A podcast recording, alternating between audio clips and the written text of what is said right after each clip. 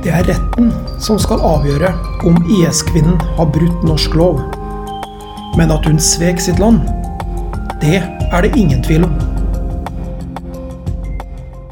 Formelt sett er det ikke en landssviksak som nå er i gang mot den såkalte IS-kvinnen i Oslo tingrett.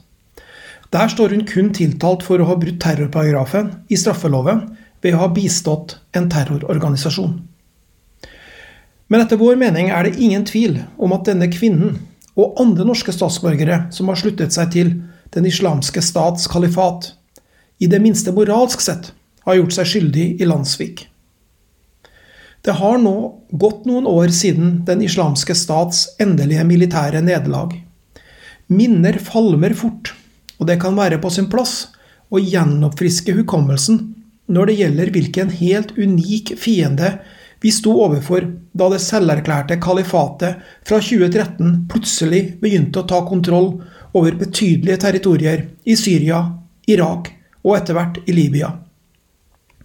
Blant mange muslimer spredte det seg en forestilling om at den islamske stat var en gjenoppliving av religionens storhetstid, der islamsk sharia-lovgivning kunne kombineres med politisk makt og militær ekspansjon. Den tanken hadde stor tiltreningskraft på radikaliserte muslimer over hele verden, også i Norge. De aller mest hjernevaskede reiste selv ned for å slutte seg til det rettroende kalifatet, slik den nå tiltalte IS-kvinnen gjorde. Men det muslimske paradiset var et ekstremt voldelig samfunn, der krigsfanger ble brent levende innestengt i bur, eller massehenrettet ved å få strupen skåret over. Islamistene nøyde seg ikke med å utøve sitt barbari bare i de områdene de hadde erobret. Nei, de vantro skulle drepes over hele verden.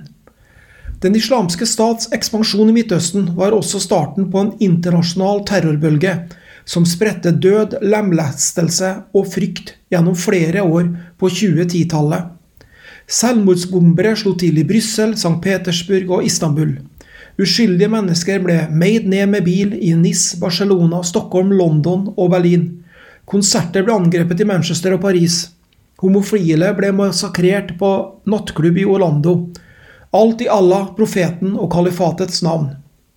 Kort sagt, den islamske stat representerte en verdensomspennende trussel. Og det er her IS-kvinnen og de andre norske IS-krigernes landssvik kommer inn.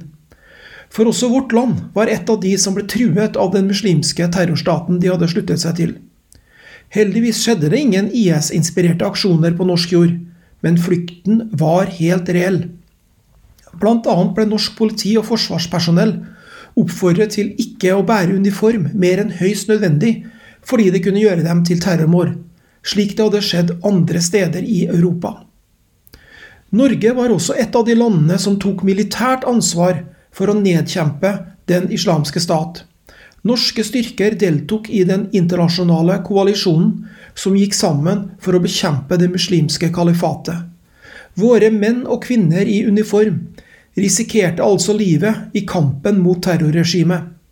Likevel reiste mange titalls andre nordmenn ned til Syria og Irak for å støtte Norges, Vestens og den siviliserte verdens dødsfiende.